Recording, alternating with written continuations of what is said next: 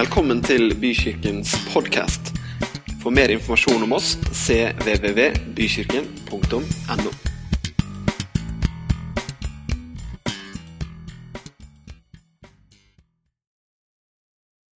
Når Jesus bar all verdens synd på korset, så hadde han stått der. Rett under korset, sammen med mesterens mor Maria. Johannes, se, det er din mor, var Jesu ord før han ropte ut, det er fullbrakt. Tårene fyller Johannes' øyne. Hjertet er varmt. For kjærligheten til sin frelser og mester er fortsatt brennende varm. Han kjenner Jesus. Gud Faderen, Skaperen, allmektige Gud, kjærlige Gud, nådefulle Gud. Han kjenner ham. Ikke som en teori eller en tradisjon eller en filosofi, men som et menneske av kjøtt og blod. Han har sett ham, hans herlighet, opplevd hans nåde og hørt sannhetens ord fra menneskesønnen. Så skriver han med en innsikt som overgår intellektet og med en dybde som ingen kan måle. Han skriver ned det han har sett med øynene, og det han har sett med hjertet. Han visste nok ikke da at skarer av mennesker skal lese det han skriver. Lese det, tro det og oppleve Jesus Kristus som frelser og Herre. Vi kjenner det han skriver som Kata Johannes.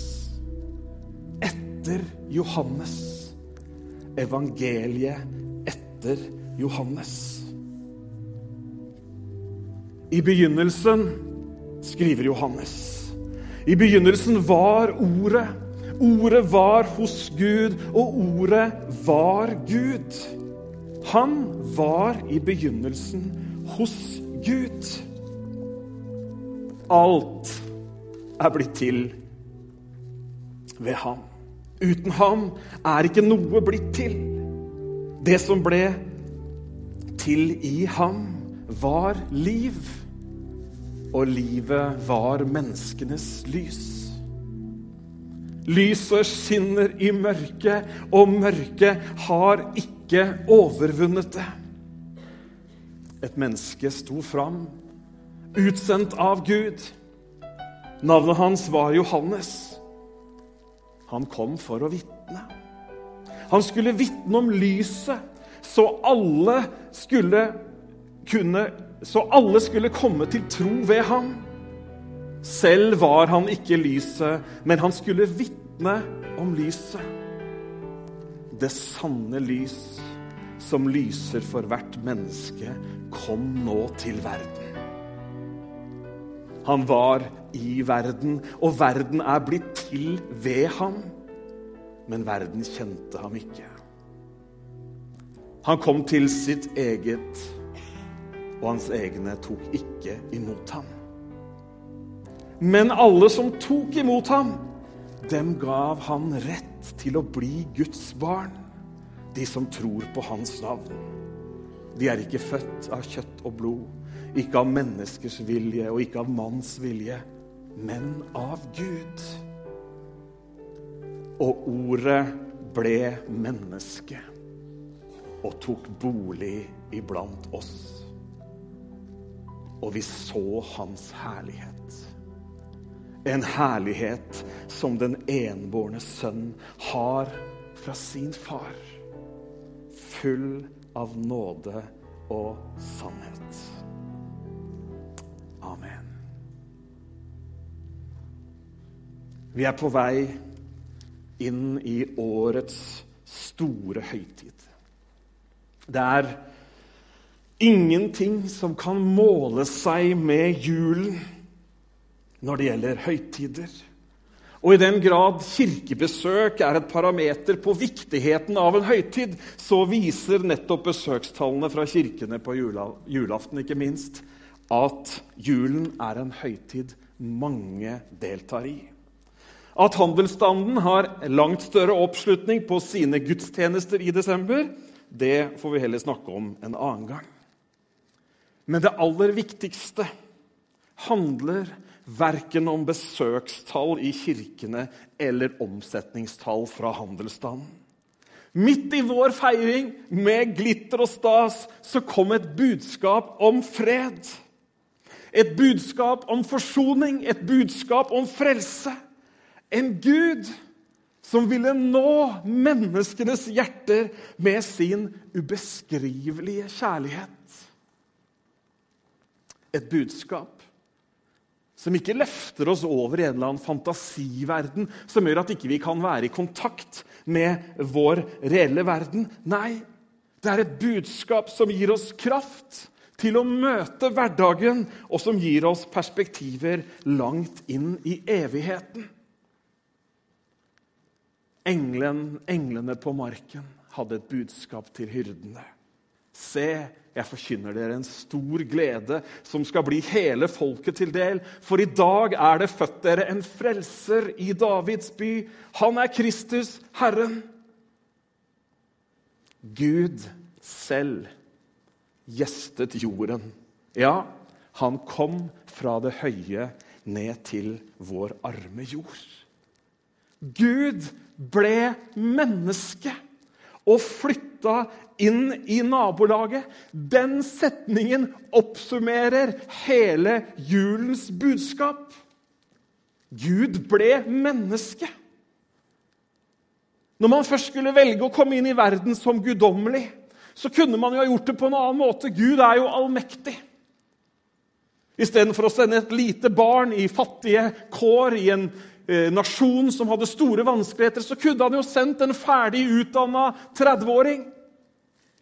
En besserwisser med alle diplomaene i orden, og som kunne komme og samle en gjeng med like flotte mennesker og forsøke å belære resten av verden. Men nei. Han kom som et lite barn, født av en kvinne, født under loven, i trange, fattigslige kår. Ja, men det vet jeg, tenker du kanskje. Dette har jeg hørt før. Vi har jo hørt juleevangeliet lest mer eller mindre tydelig av en ung eller enda yngre eller enda eldre person. Og vi kan historien, kan vi ikke det? Om stall, hyrder, esler, okser osv. Vi har sett julespillene.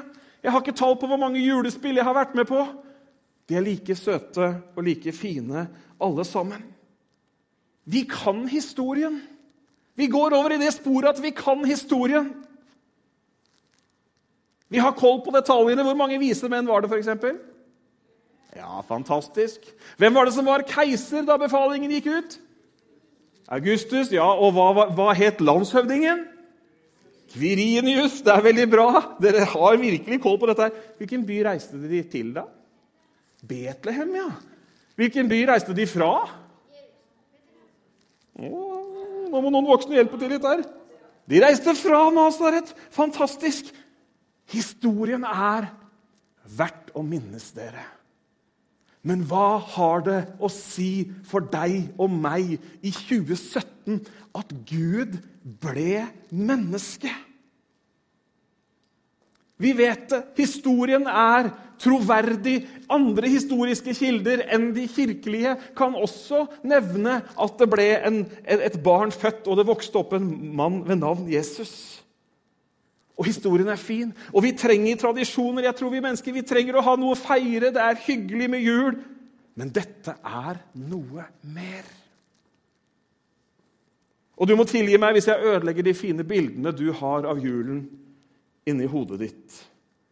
Med stall, stjerne og vise menn. Og jeg syns det er kjempefint at du er på vei inn i julestemninga. Vi ble jo lova det at hvis ikke vi var kommet dit, så kommer vi til å komme dit i løpet av dagen. Og jeg tror noen har fått god hjelp allerede. Og Kanskje du til og med som meg allerede har gjort unna første runde med pinnekjøtt. Det hadde jeg gleden av den uka som vi er inne i nå. Det var helt nydelig, og jeg fikk til og med en ribbebit også. Alt det der er veldig bra. Og hvis du har smakt, så håper jeg at det smakte for deg. Men det er ikke det som er hensikten. Det har en verdi i seg selv, men det er ikke det som er hensikten. Hensikten med den høytiden som vi har endt opp med å kalle jul, er noe mer enn tradisjoner og pinnekjøtt. Gud ble menneske. Han kom til jorda vår som en person. Han kom i egen person, og ikke bare som en hvilken som helst person, men han kom, og han var ute etter en relasjon. En relasjon med oss mennesker, med sånne som deg og meg. Du vet, Ofte så snakker vi om en Gud som er høyt oppe i himmelen. Og der er han, det er sant, men du skjønner, han er ikke bare der. Vi snakker om han som en sånn ikke-definerbar størrelse. Fjern, uforståelig, som om han prøver å holde en viss avstand til oss syndige mennesker. Vi kunne ikke ha tatt mer feil. Det er snarere tvert imot. Han har nemlig skapt deg og meg. Han har skapt oss mennesker på en sånn måte at vi ligner ham. Husker du hva det står? Skapt i Guds bilde. Skapt til å ha kontakt med ham. Skapt til å kjenne ham. Når Gud ville uttrykke seg når Gud ville gjøre seg tilgjengelig, når han ville vise oss hvem han er, hvordan han er, og hva han kan gjøre, så gjør han det ved å bli et menneske. I veldig mange andre religioner så er guden uttrykt gjennom en statue, en død gjenstand utformet i stein eller edelt metall eller tre. Du kan sågar få kjøpt små kopier på markedet, sånn at du kan ha en i stua. Men Gud ønsket ikke å uttrykke seg ved å bli en statue. Gud uttrykte seg, han viste, oss, viste oss hvem han var, ved å bli et menneske. Mange religioner har et helt sett av nedskrevne regler om hva menneskene må prestere for å tekkes gudene. Men Gud, han ble et menneske som vi kunne relatere til. Skjønner vi litt mer av englenes ord?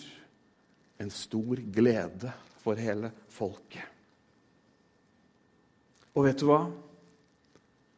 Han ble menneske. Og det betyr at han vet hva det er å være menneske. Han vet hva det er å være sånn som deg og meg. Han kjenner til livet. Han vet at man kan være sliten. Han vet at det er noe som heter hverdager. Han vet at man kan være trøtt, at man kan gå lei. Han vet hvordan du og jeg har det så står det likevel i hebreerbrevet For vi har ikke en ypperste prest som ikke kan ha medlidenhet med oss i våre skrøpeligheter. Hører du at Gud er menneske? Medlidenhet. Skrøpeligheter. Nei, vi har en som i alle ting er blitt prøvd, slik som vi, men uten synd.